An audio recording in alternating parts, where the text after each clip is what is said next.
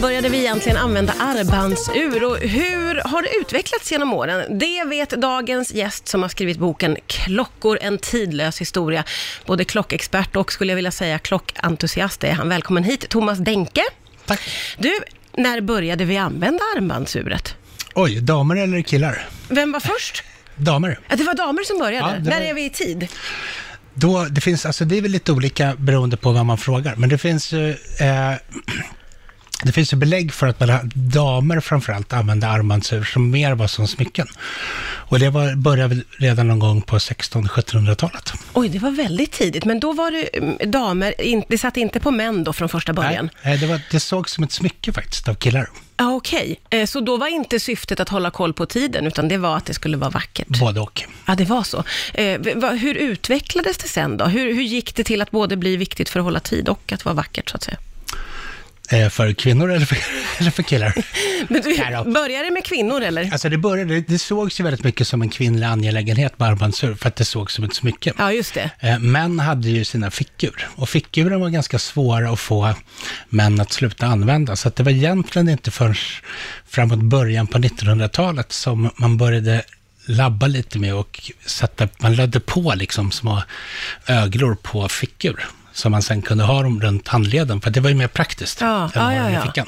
Aha, okej, så då är vi på början av 1900-talet Ja, när männen precis. också börjar Precis. använda. Det finns lite sådär spridda skurar av armbandsur för män under 1800-talet också. Men, Ja. men det är egentligen kanske första världskriget egentligen som arm- armbandsuret blev en större angelägenhet för killar. Ja, okej. Och var det då mer för att hålla koll på tiden eller också för att det var vackert eller någon slags Då var det mest praktiskt faktiskt. Ja, okej. Och hur utvecklades det för männens del sen då? För idag så är det ju verkligen allt möjligt. Men, men när blev det också någonting som var vackert att titta på för män? Det kom nog lite senare. Det, det började ju med att, man, att män började etablera vanan att ha någon form av armbandsur. Eh, och sen så i, i takt med att klockor började bli lättare att producera, att man började få en riktig massmarknad, så blev det ju såklart, eh, började man hitta nya nischer för, för vem som skulle kunna ha armbandsur, olika typer av armbandsur. Man började ta fram speciella ur för de som flög, speciella ur för ingenjörer eller dykare eller vad man nu hade för yrke. Så att det var, för, för killar så var det väldigt kopplat, att man försökte koppla ihop armbandsuret med olika typer av funktioner som inte bara var att mäta just tiden. Ja, ja, ja. Och om vi går tillbaka till kvinnorna då, har det mer liksom varit smyckesfunktionen skulle du säga? smyck- smyckesfunktionen hängde kvar. Ja. Och det gör det väl, det var väl kanske egentligen lite först 30-40-talet någon gång eh, som det började komma klockor för kvinnor som var mer av så här sportig karaktär eller mer funktionell karaktär. Ah, okej. Eh, och de klockorna var egentligen, väldigt ofta så var det bara en mindre kopia egentligen av, av de uren som herrar hade. Ja, ja, ja. Eh, och hur har trenderna sett ut genom alla dessa årtionden då? Hur går trender inom armbandsurbranschen? Oj, vilken, vilken, vilken, vilken, vilken spesad fråga. eh, nej, men det, det, är väl så, det, alltså, det är väl som med allt annat, att det finns... eh, första trenden för armbandsur, det var ju egentligen att få män att faktiskt börja använda armbandsur. Och då var ju att, att, att då koppla det till olika yrken eller till olika, ska man säga, så här, lite liksom livsstilsattiraljer, att koppla ihop det till det. Det är ju det är ju ett sätt att få killar att bära någonting som kanske från början var mer tänkt eller sågs som någonting kvinnligt. Det var ganska svårt att få männen att få överge sina fickur. Men sen när det väl började, då, då hakar man ju på med jättemycket olika trender. Titta på eh, 60-talet till exempel så kom det ju väldigt mycket, då började det komma lite mer funkiga klockor, lite större klockor, lite, lite fräsigare och schyssta kronografer och sådär. Ja, okej. Som man kan ta tid med. Ja. Eh, man började koppla ihop eh, eh, klockor med saker som motorsport till exempel. Och sådär. Ja, ja, ja, ja, ja. och ja sen har det ju just det. 70-talet, då hade du ju du har ju ganska gott om klockor som har det här bulliga 70-talsutseendet, lite sådär funky, skön design och man börjar ha lite olika nya färger och sådär. Mm. Eh, för annars är ju klockor i ganska konservativt. Ja, lite så känns det ju. Ja, eh, och en klocka är ju liksom på väldigt många sätt en klocka. Det, det är ju, den kan liksom inte se ut på så väldigt många olika sätt än, än, vad den faktiskt gör. Det är en urtavla så det visar och så, så kan man ha lite- en boett runt som man kan pryda med lite olika attiraljer och sådär. Så det blir mycket materialval Ja. faktiskt. Jag tänker ju att det här drar iväg i kostnad, att, att fina klockor kostar väldigt mycket pengar. Har jag rätt eller fel där? Både och. Ja. Det är klart att om du, vill, om du siktar in dig på klockor som är hantverksmässigt byggda, till exempel av smurmakare i Schweiz med lupp som sitter i månader och skruvar på ett dörrverk, då kommer det kosta jättemycket pengar. Det, det är ganska självklart. Eh, men det finns också fantastiskt mycket kul klockor som inte alls är speciellt dyra. Utan man kan, att sätta igång en klockhobby med en budget på en 500-lapp eller någon tusenlapp, det är liksom inga problem. Det finns jättemycket att välja på. Ja, vad roligt. Det finns någonting för alla helt absolut, enkelt. Absolut. Eh, Du, jag måste få fråga dig, när blev armbandsuret en statussymbol?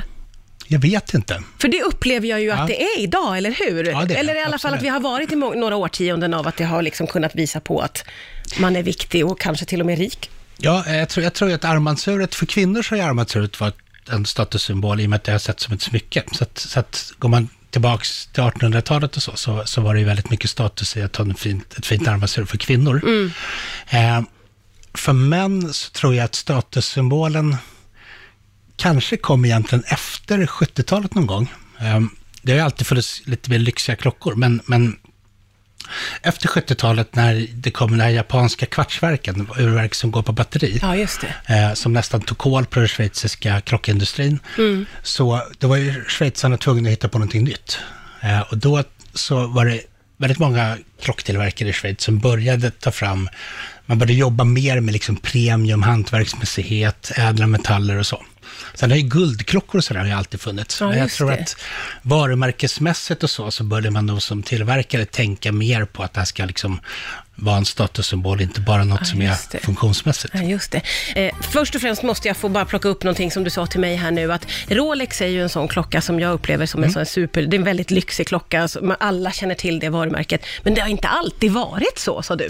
Nej, inte, inte alltid. Eh, på den tiden när, när klockor var ett, ett bruksföremål för de allra flesta, så var Rolex, var, har alltid ansetts som en väldigt, väldigt bra tillverkare, men det var inte, det var inte en lyxtillverkare på samma sätt som idag. Nej, okej. Utan det är ju någonting som man har, en position som man har byggt upp genom åren. Det, det är lite samma med Omega till exempel också. Ah, okej. från början så har ju det varit tillverkare som har producerat högkvalitativa ur för, för folk. I och för sig ofta kanske människor som haft lite resurser att köpa en bra klocka, men, men det har inte varit de rena lyx, lyxklockorna. Nej, Så okej. att där har det ju varit en resa. Ja, ja, verkligen.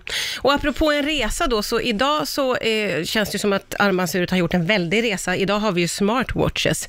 Eh, kan du se att eh, mobiltelefonen eller smart, eh, smarta telefoner på något sätt har skuffat undan armbandsuren?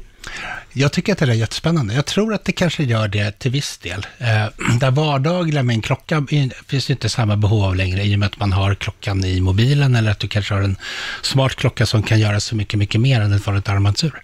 Så att, så att, men samtidigt så kan jag tänka att jä- jämförelsen kanske inte alltid blir helt rättvis. För ett armbandsur, av ett mekaniskt armbandsur, eh, har kanske andra funktioner också, bortsett från att bara visa tiden. Det finns lite, det finns lite känsla i det där också, att, att bära någonting som är, det känns lite mer solitt på något vis, Jaha. tycker jag, Ja. personligen. Eh, sen så kan jag absolut säga att för yngre generationer så kan jag nog tänka mig att smartklockorna är nog en ganska allvarlig konkurrent till, till mekaniska armbandsur. Det tror Ja, jag. just det. Vad tror du om armbandsurets framtid då? Jag tror att det är ganska starkt, fast man, man vet aldrig. För, för 10-15 år sedan var fickur jättetufft och jättepoppis. Um, idag är det nästan ingen som håller på med fickur. Så att, att, att säga om, om armbandsuret kommer vara en, någonting att samla på om 10-15 år, det, det vet jag inte. Uh, jag hoppas det, för jag tycker att det är roligt. Uh, däremot så tror jag att man kommer nog alltid ha ett behov av att ha någonting på armen som visar tid som är praktiskt och lättillgängligt. Sen om det är en smart klocka eller om det är en mekanisk klocka, det är nog mer en fråga om preferenser och tycke och smak. Det får vi se helt enkelt. Nu blir jag så nyfiken på vad du själv har för klocka på armen. Jag har en vanlig dykarklocka från Seiko. Ja, okej, okej. Vad kul! Vad roligt att du kom hit, Thomas Denke, aktuell med boken Klockor, en tidlös historia. Tack snälla för idag. Tack själv.